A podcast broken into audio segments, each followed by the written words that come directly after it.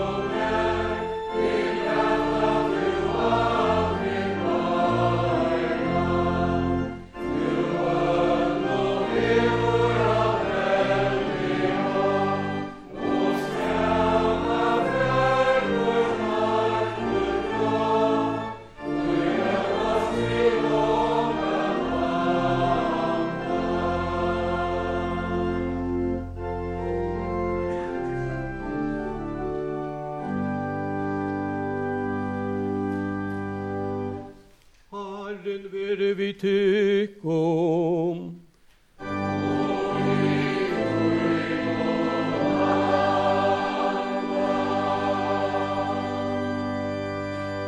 Lät i okkom at bya.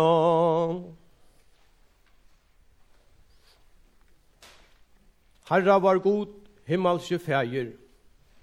Vi takkat her til at du leter okken høyra til en heilaja gledebåskap som er en Guds kraft til frelso for kvant han som tror. Vi bia til, gjer hetta år tøyt livande og gjørstan okkara, og let det bera avvøkst til evigt liv.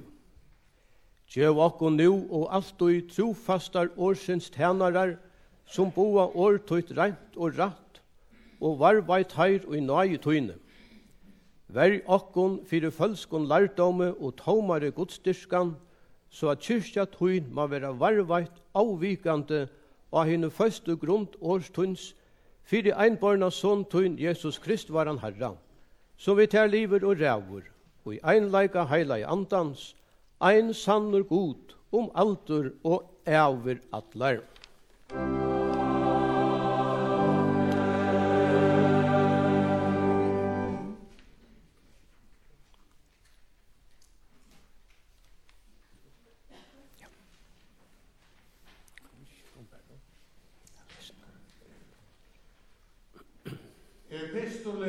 skrivar Petra Apostol og i fyrra brev synum. Fram om allt har vi inneligan kärleika kvör til annan, tog at kärleiken fjäller fjöld av sintun. Veri gesta blöjer kvör med i öron, åttan mannskap. Ettersom ein og kvör hevur finnst ein an og så tæne for øren vi henne. Som gauer hushaldarar iver Guds markfalt og nøye. Om ein for talar, ta tal i han som Guds år. Om ein for hever ein tænastå, ta tæne han etter tørre meie som god djevor. Til tess at god må være æravor og i ötlo loton fyrir Jesus Kristus. Hansara er dorten og måtteren om altor og allar æver. Amen. Så ljóar hessin heila i epistel.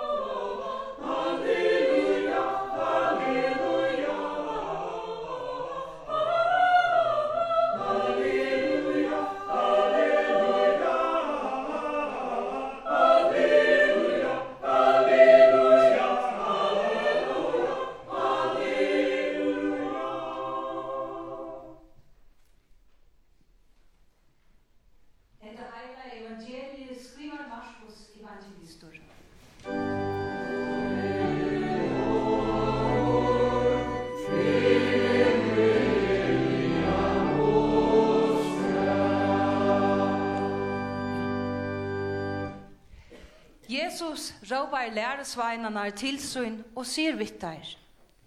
Tid vita at her og hildner vera høvdingar iver folkaflokken eier vald av taimon og stormen tarra heva av taimon rå. Men såleis er ikkje tjatikkon. Men tann og vil vera staur og tikkara mittlun, han skal vera tænara tikkara. Og tann og vil vera fremstur av tikkon, han skal være trævdur tja ötlom. Tog at menneskesåneren er ikkje heldur komen fyrir at være tænavur, men fyrir at tæna og at djeva løvsut som løysegjald fyrir mong. Så jo av dagsins heila evangelium, år herrans værer om atlar æfer. Og lærde makkon jotta okra kristnu trikv. Vi tryggva av ein god, hin allvalda fægir, som hever skapa himmel og jør, alla skjønligar og avskjønligar luter. Og av ein herra, Jesus Krist, Guds einbarna son, som er føttur av fægirnon, fyrir opphav tujarinnar. God av gode, jós av jóse, sannur god av sannun gode, føttur ikkje skapavur, av at som å være som fægeren og i alt hever skapa, som fyrir okkon menneske og frelse okkara, er kommet nyer av himne, og er våren holdt vi heila von anda av marjumøy, og gjørdest menneske. Som eisne okkara vekkene er krossfester under Pontius Pilatus, puntur og gjerravur. Tria dagen risin opp samsværande skriften og færen til himmels, sitter vi fægesins høgre hånd og skal komme atur ut ur, at døma livande og deg, og av rujtje hansara skal antjen ende vera. Og av heilajan anda, harran og løyvdjevaran, som gonger ut fra fægjernon, som saman vi fægjer og sine vir tilbyen og dørmettur, og som hever tala vi profetenon. Og av eina heilaja Alheims og apostolska kyrkja. Vi djofta ein dóp til fyrirgevingar sindana og vanta oppreisen tæra deio og luive og i komande heimen.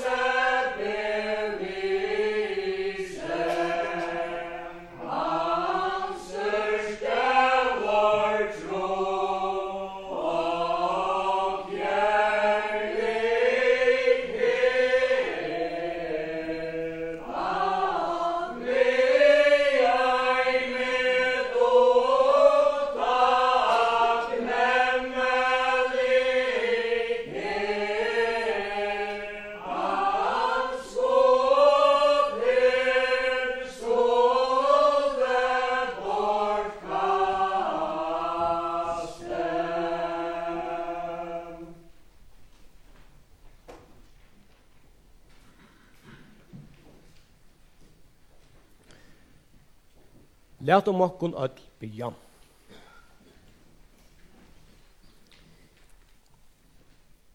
All valde god, miskun samme fægir. Vi bya til valsikna og varvai tøyna heila vår kyrkjo og okkun i henne. Ver vi årsins tænar om tøynun, at her med at tæna tær og sannare trygg og kyrkjuligenun vi nærlagni og trofeste, kærleika og omsorga. Valsikna og varveit heilov sakramentene, så at de vera omsiden rett. Læt år tøyt heva frukt at færa okkara mittlun, og læt rujtje tøyt vi rattvise, frie og glede, vaksa og bonast. Halt verndar hånd tøyna i ufølse okkara og lande. Ver vi føringon og i fremmand og landon, og fremmandon og i okkara lande. Ver vi atlare lovligare i ivevöld, Valsikna og varvart løkting og landstyre, løkman, drottningina og hushennara. Ver vi öllun okkara kæru, bøtnun og ungun, ver tja taimun som starvast og ferast av sjekve, av lande og i loftrume, stia og styrk teg omlå. Ver vi nøye hjoltøyne tja öllun taimun som hevda ringt og loja nei, taimun som er nøyd av iva, sturan og ötta. Ver tja taimon som sjuk eru, likamlia etla salarlia. Trosta og styrst to tei og i sorgarbunden eru, tei som hava mist ein av sunnum kæru.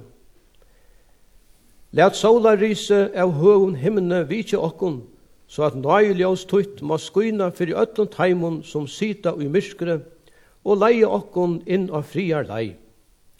Læt okkun kvørstju i åre etla verstje tega luskleina fra nøkrum menneskja.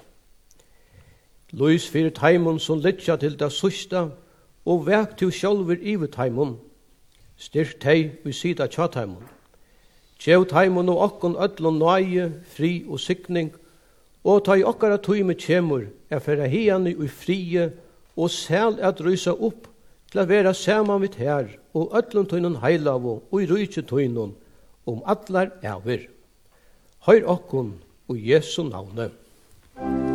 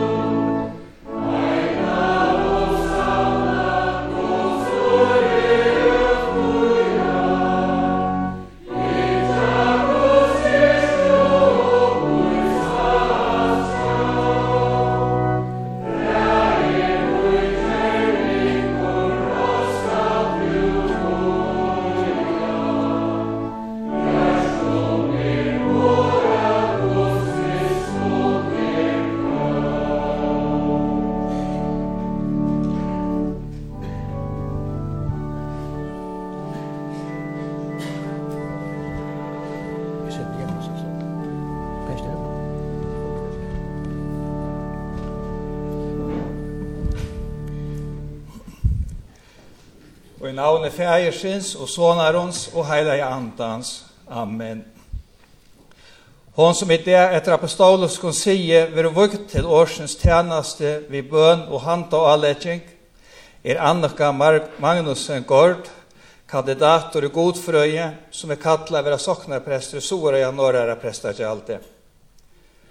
Og ta inn og herre vi apostlen så inn og minner åkon og er det var viring for et taimo som arbeider åker av midtlån, og er, eina, og er sett at standa fyrre og i herranon, og at heva tei og i selja miklo meton og i kærleika fyrir gjerning tarra.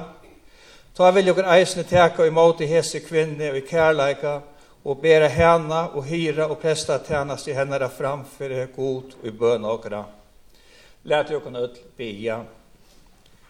Herra var god himmelske fjärjur, og bia tje. Oppløys, velei og styrk to vi heilei anda tøyn og henta tænara tøyn, som i dæver og vukt til hira og presta tjenast i kyrkje tøyne. At homa vera trygg vår hushaltare i vår miskunar gav on tøynom, så at gjerningur hennara vera heilei av navnet tøynon til heiors, røyke tøynon og kyrkje tøyne til frema, og her vi henne sjolvar til signingar, fyrir son tøyn Jesus Krist. Amen.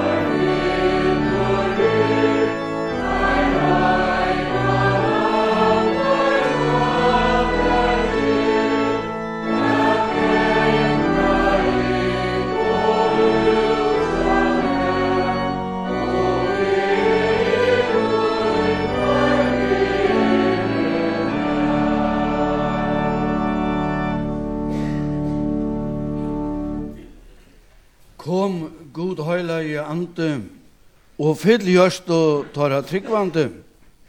Endur nudja kyrkjetøyna det undan deg.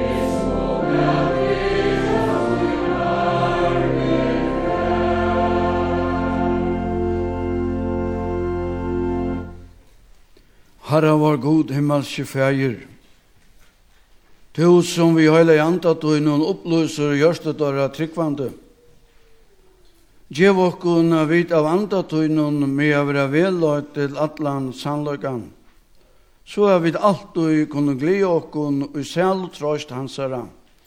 Fyre såntuinn i Jesus Krist var han herra, som vittar liver og rævur og i øynløyga høylaja andans ein sann og god om altor og æver atlar.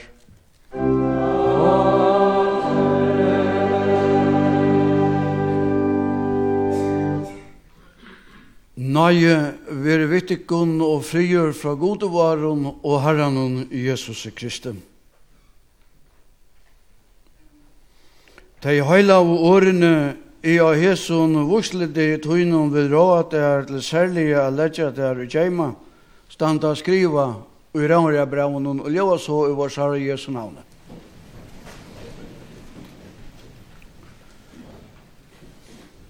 Læt om okkun tøy trå etter tui som fremur fri og felags oppbygging. Amen. Annika, årene tja apostelen Paulus, er og en kærkomen amening til okkun öll, som innskje a liva at vertje og kristeligte loiv og i einum verslegjun samfellegi. Og i einum verslegjun samfellegi vi mongon imiskon kyrkjon og samkommun. Iverskriften sier fra at en sterkje og trunne og hin veitje skulle vira hver annan, skulle vira hver annan. Apostelen lyser i myndun hos i imes vi kristne er og i sinn og kinn. Han nøyder nekrar myndir og i kunne tidsjas okkun løgnar. Nøkkur folk eta til dømes nekvan gaua mat fra vittlun etla tamtun tjaurun, Men annor eta urstaføye som det øyder i skriften. Nøkur gjerra mun av døvun, men annor meta atlar deir lykar. Lusfarslan og te a bera seg eit, Lusførslan og tega bera seg at hava allar degar eld til tvistøvu mittlen kristen folk.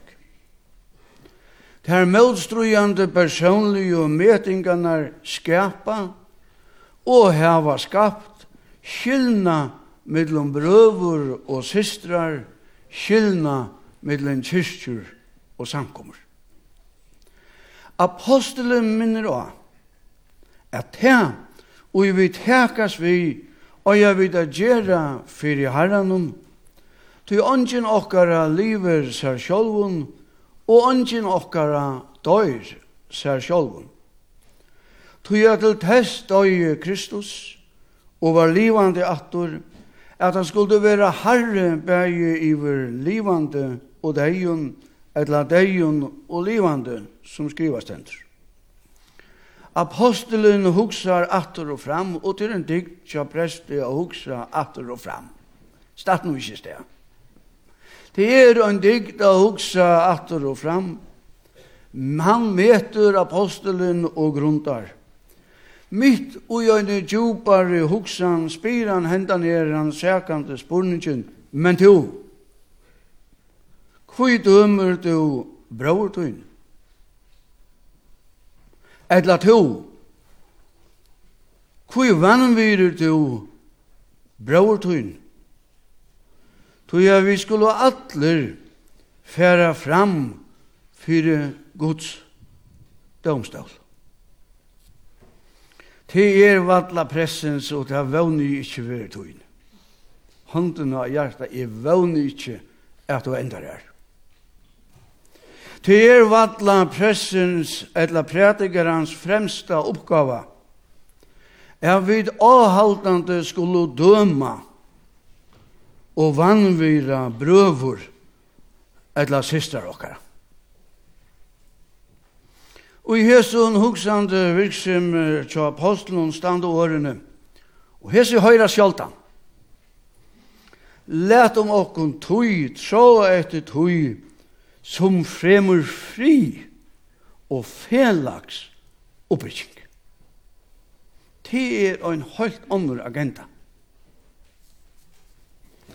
Gå, Annika. Nå du være prestvod skal du velja etla finna losten og du skipar andalig og lusløy høyna etter. Hva hugsar du å legja den da og i tøyne tjernastu? Hver atla du a boa ui tuinu evangelisko tjanastu? Hver atla du der a bruka tuina tui til? Tu hefur fløyre velmøvlegar, og biskupur skal ikkje velja tuina vegna. Nekvan kærløkar, men hetta måstu sjálf i fri herranum, finn det av. Men ein vinalira vera givent her i kærleika. Minst til a spyrja Herren Jesus til oss, så lusløyt hun vera rujtjelige signa gauar som tinkre der. Spyr Jesus om du verilega skal døma dine mennesker til at du sitter vid tastaturen av Facebook eller øren sosial og milum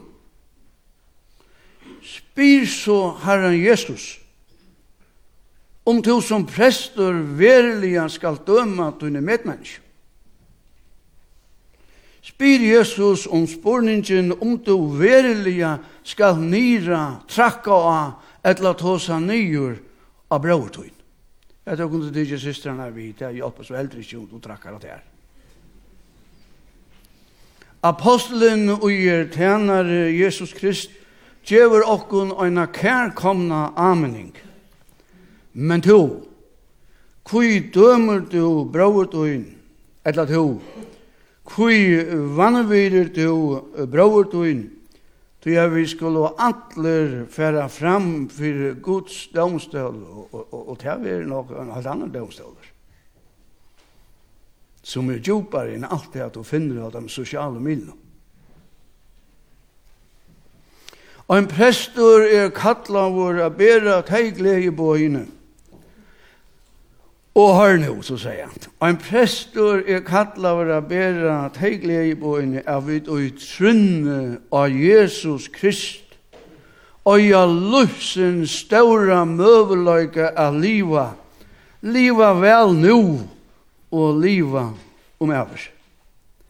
Vi får nægir at ognast og boa Guds fru og frelso og Jesus vi bøn om fyrirgjeving sindana.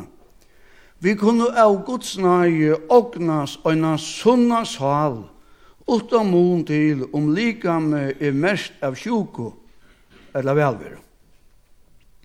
Vi vil ha sendt ut i gerandestegin bostere som heima at boa heimsins besta båskap, gledjebøyene om sottarger og frelsegods.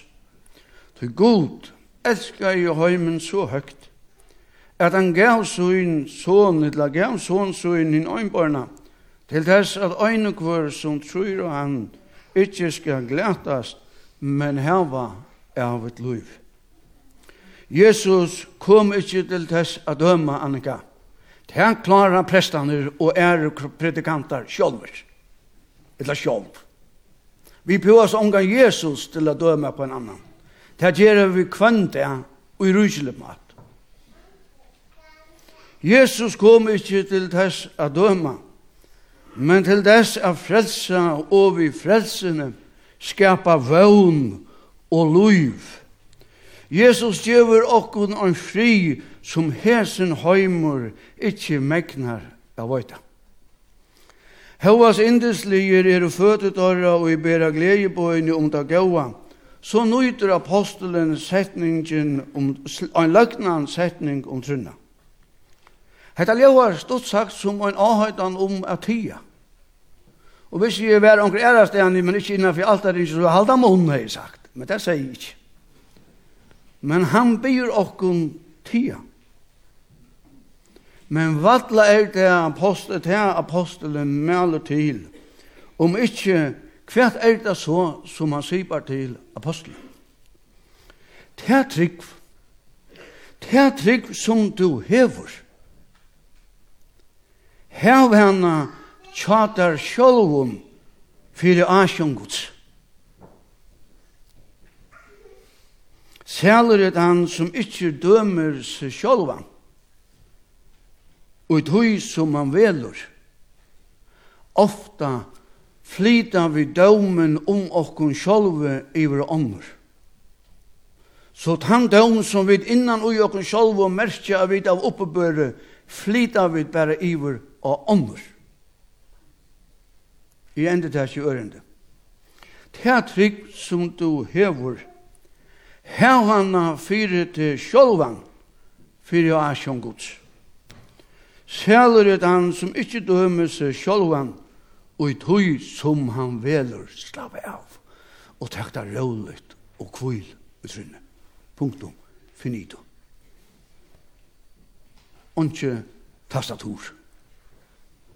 Kvil og i tøyne trygg.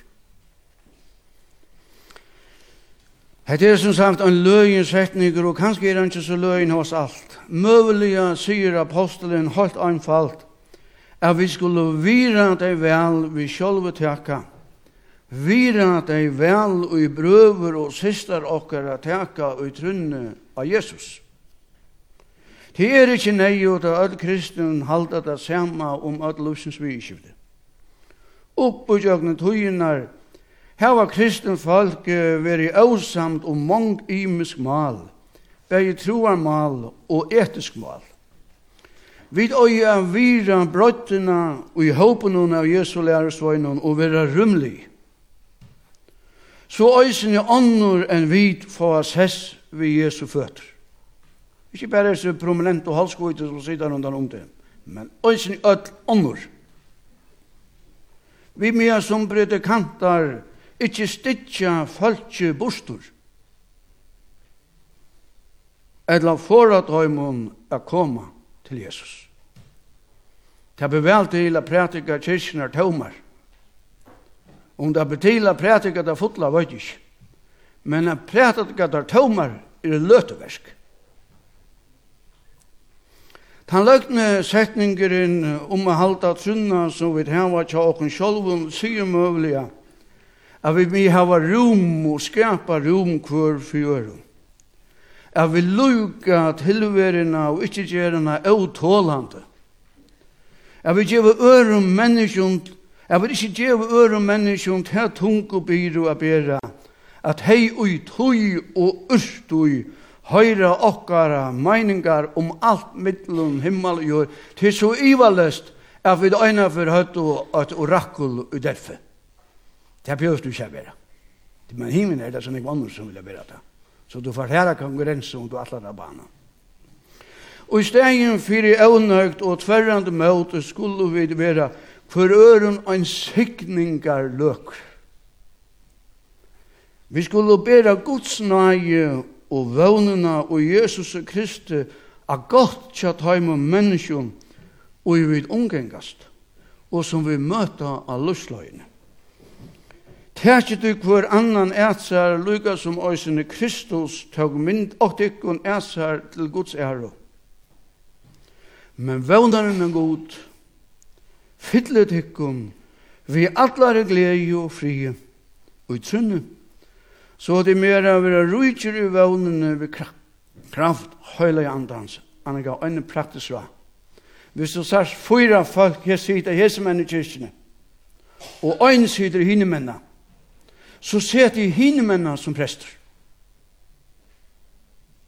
Lett jeg bare fyra sida her, og passa seg sjálvi og luka kvann annan. Sete tjato i ønsamall. vi. Alla stegir. Ute og heima, alla stegir. I verskapi og i kyrk. Sete vi suyna av i øyna som er palli alene i verden.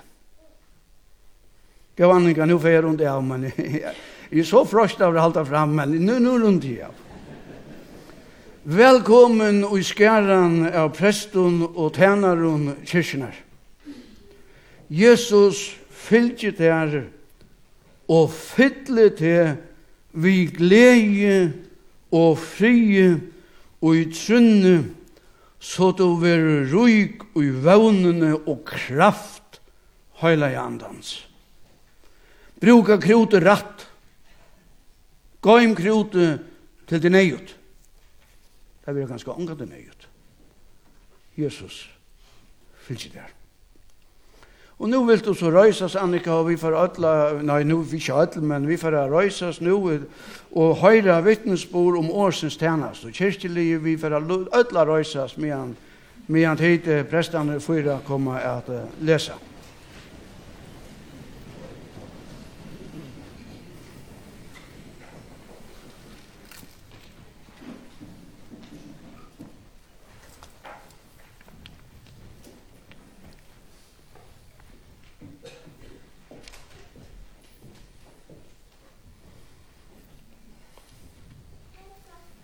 Ja, gjørs vel hennes.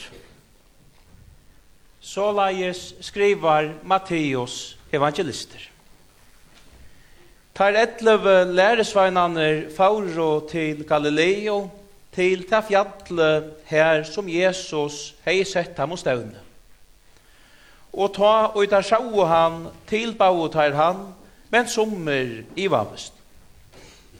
Og Jesus steg fram og tælai til tarra og sier Mer er finnje alt valde bæje og i himle og i år Fære tøy og gjør i öll folkasløyene til æresveina møynar vi tæ er at til døypa teg til navns fægersens og sonarens og hins heila i anda og vi tæ er at til læra teg at halta alt tæ og i e heve boje tikkum og så er vi tekkon allar digar, alt til veraldar enda.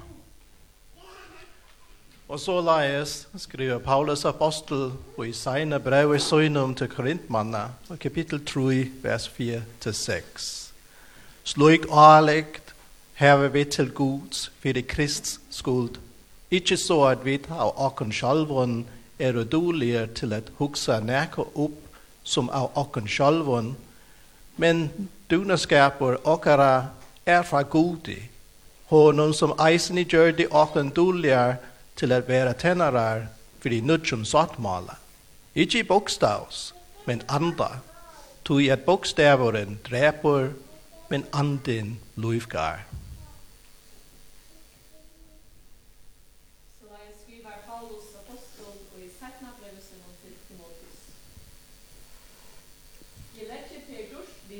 Joachim Guds og Krist Jesu, som døma skal livande og deg, og vi oververing hans herre og rydtje hans herre.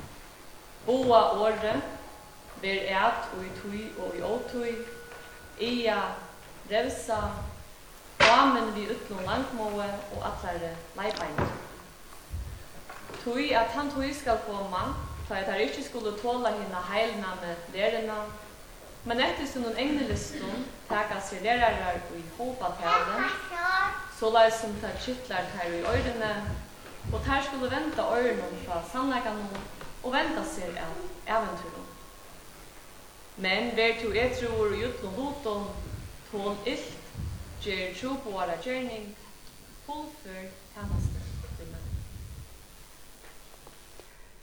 Så lai skriver Peter Apostol i fyrra brev i synom. Hinn er eldst og tikkara mittlån, og amminni er som sameldste og vittni om loyingar Kristus. Røkte til Guds fylgje, som er tjatikkun, og hevi omsjån vitu, ikkje treier, men hoalier, etter Guds vilja. Heldur ikkje fyri og sømiljan vinning, men av gauvon hoa. Ikkje heldur såleis at hit vilja roa i kyrkjelionon, men såleis at hit vera firemynd fyrir fylgjenon, og ta skolo tid ta i iverhyren verer oppenbera vår få hin avföljande krans dordarinnar. Ja, og kyrkjelig er velkommen å sessast. Og tid som lyser han var, og ordinandren hittimøter Asjon Herren som er altare. Annika, tu hever nu hårst av kvann hatt Herren hever innsett årsens tjenestog Og vi apostlen sønnen stedfest hvordan nøyut endan tjeneste er fyrir kyrkju hansara av foldum. Tui leggi er der øyna vi a boa Guds og rønt og ratt. jo som det stender ut av mun profetiske og apostolske skriften og er stedfest og jottana ryt og kyrkjenar at du prætika Guds ord til trost eia og amening bei allment og løgnlige og at du først om inn i heilav og sakramentene, dopsens og altarsens sakramente, vi allar i viring, durmetan og sauma, samsverande fyrirskipan vår Herre Jesu Krist. At du høyrer skriftamal og veitetøymon og i ira seg, og veitetøymon og i ira seg om sintersuinar avløysing, og at du someløyes legget der Vi öllun örum kyrkli, og at du såles legget der nær, vi öllun örum kyrkli om tjernastun, at du lukar og styrst kyrkline, her tjernastan er liten ter til, vi omsorgan lærer og løypøyne der raleis, og trøstar dei øttafotlo og sorgabotno, viser miskunna semi mot neistøtten og måttluttlun, kærløyga til medmennesku tøyne at du viser lyttene mot ratta ivaltnen, og annars viskar Jesu heilige kattlet og innom samsverande Guds år og kyrkjeskipan okkara.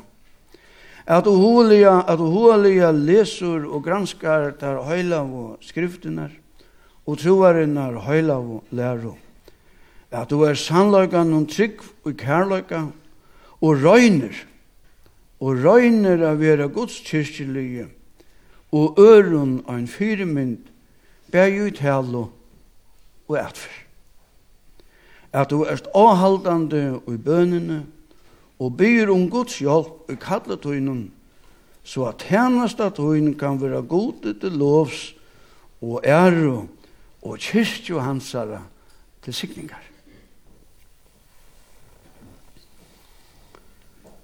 Annika Magnussen Gård. Embedes munns vegna umboande i na høyla og kyrkju spyrje te. Lova du mer fyrir asjon sinns alvoisa gods og i troskape og ratsinne a gjere hetta etter darinaie som god til tess vil du tar Og så gjør mer og vursler vitten om hånden om det.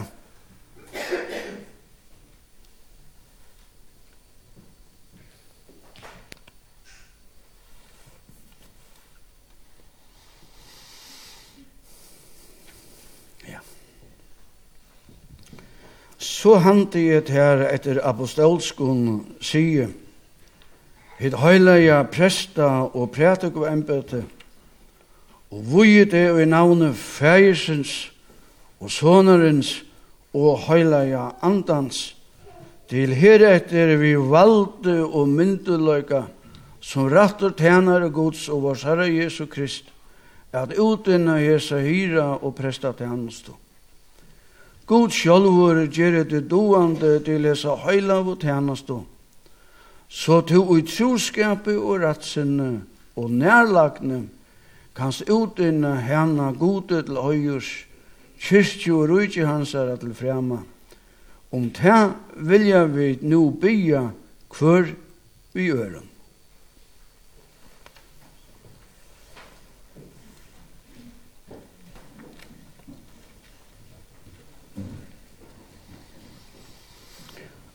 Alvald nei god.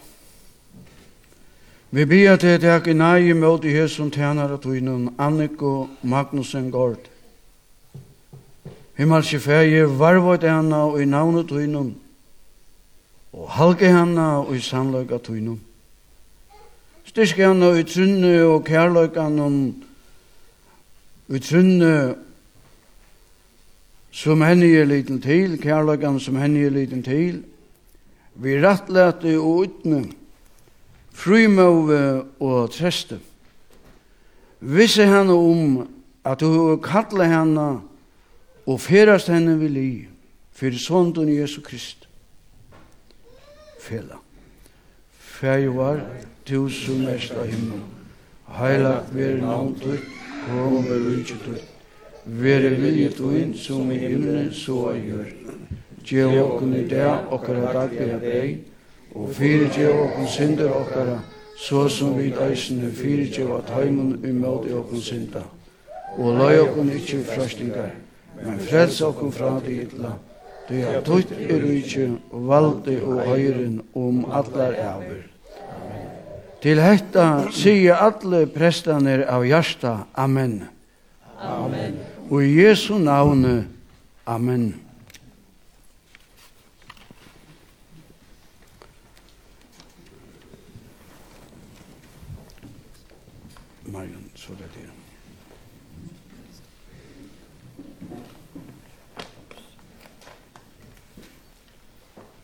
Ja. Så is.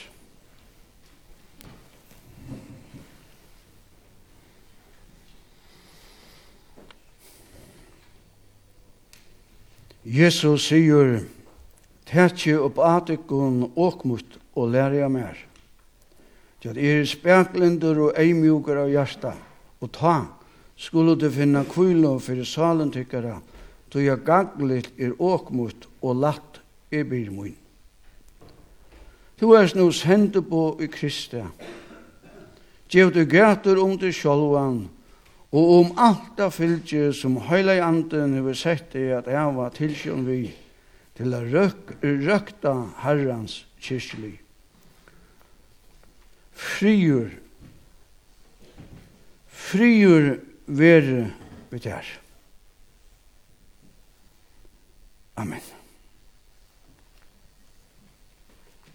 Amen.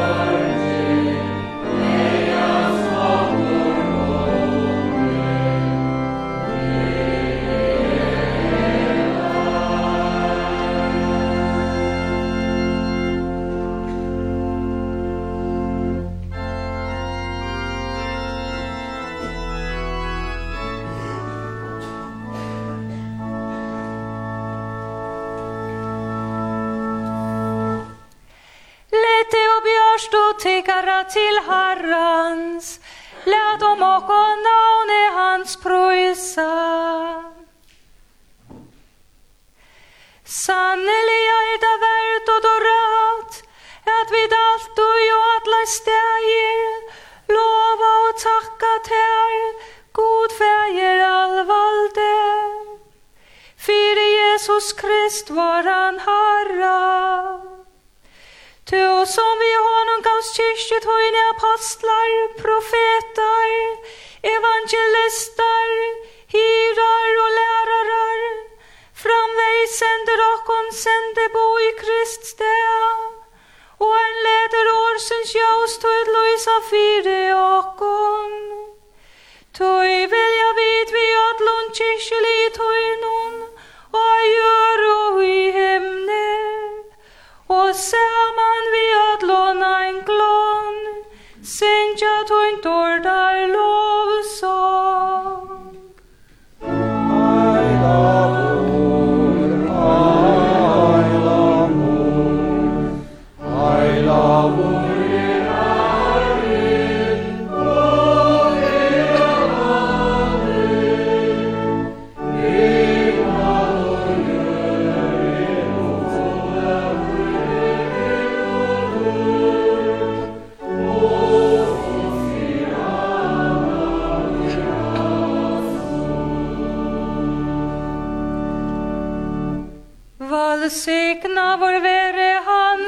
kjemor, og i navne Herrans.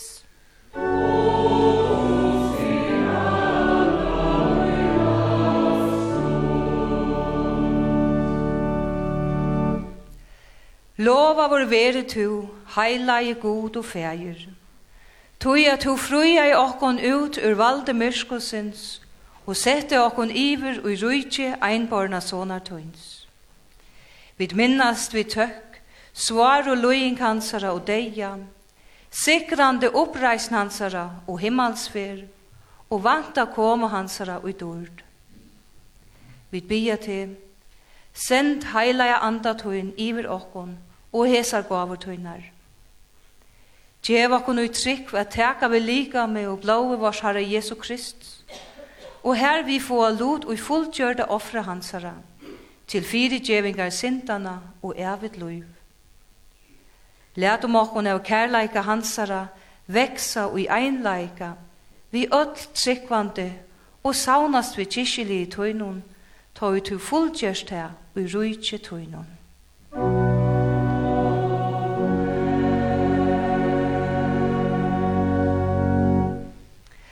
Var Herre Jesus Kristus at Herre nåt som hans vitjen være, Tog han breie, takka i og breita, gav lærusveinen sønnen til og sier, Tætje hetta og etet her. Hetta er lika mot som fyrir tikkun vil give, gjere hetta til møynar omningar. Somalais tok han eisne kærligjen at han og kvöldmåltøyina, takka i, gav taimun og seie, dretje atler ur honom. Hesin kærleikur er hin nutje sottmalen i blåa munnen, som fyrir tikkun veri uthelt til fyrirgjevingar syndana. Gjere hetta så ofta som tid ta drekka til munar ameningar. Så ofta som vi eta hetta breie og drekka kærleikin, boa vi deia tøyn in inntil tu kjemur við dord. Tjøknon han, og vi honon, og ui honon, eier tu god fægir hin alvalde, og i heila i andans, atlan heijur og æru, om aldur og æver atlar.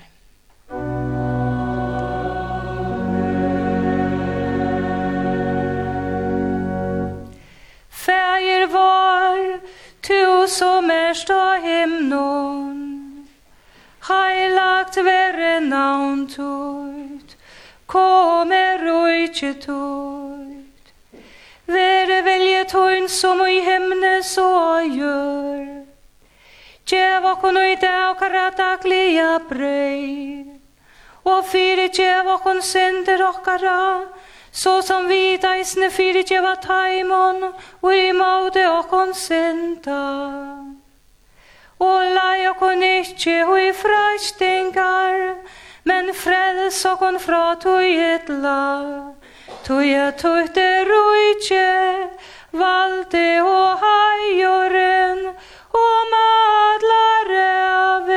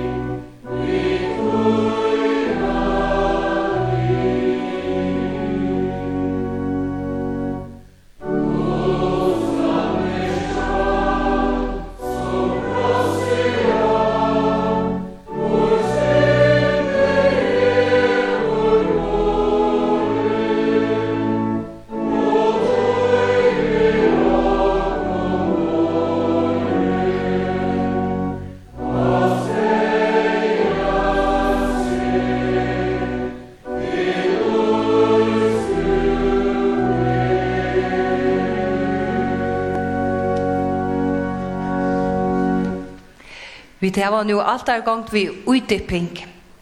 Og tid som sida i ståle 1 til 20 er velkommen til alt er seg framme, resten midtskips, og de som sida av loften fer til altars av loften. Komme, tog at nu er alt tilkjørst.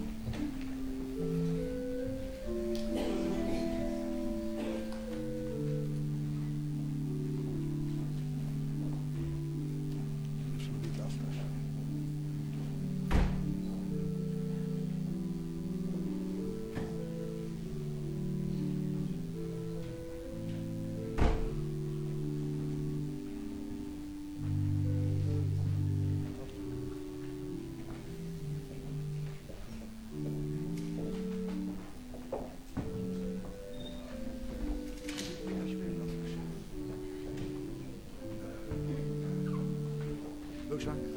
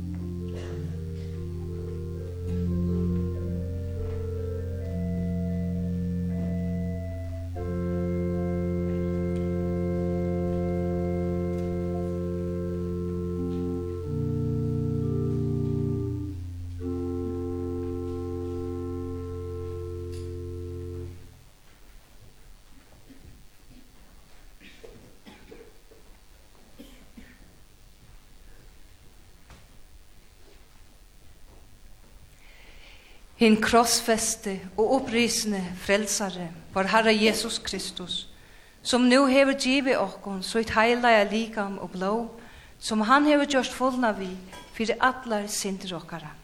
Han styrkje og oppihalde okkon, her vi og i sannare trygg til hit evige løyve. Frigjør ver vi tikkon.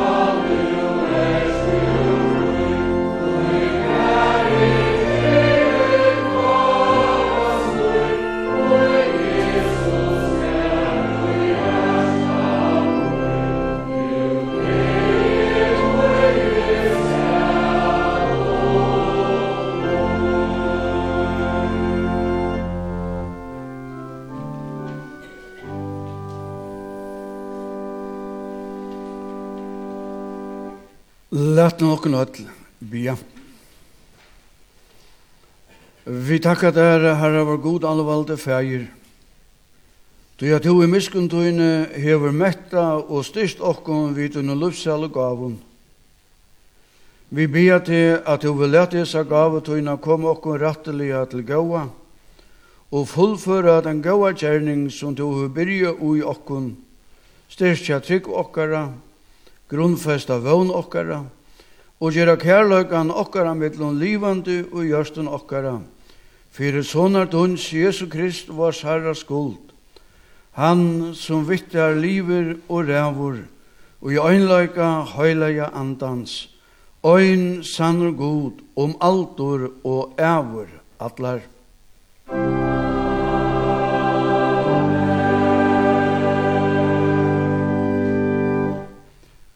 Herren vere vittikum.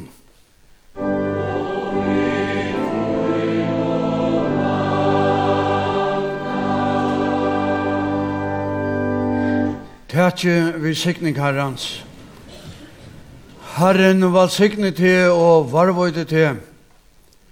Herren lät i andre og lysa iver til og veret er neier.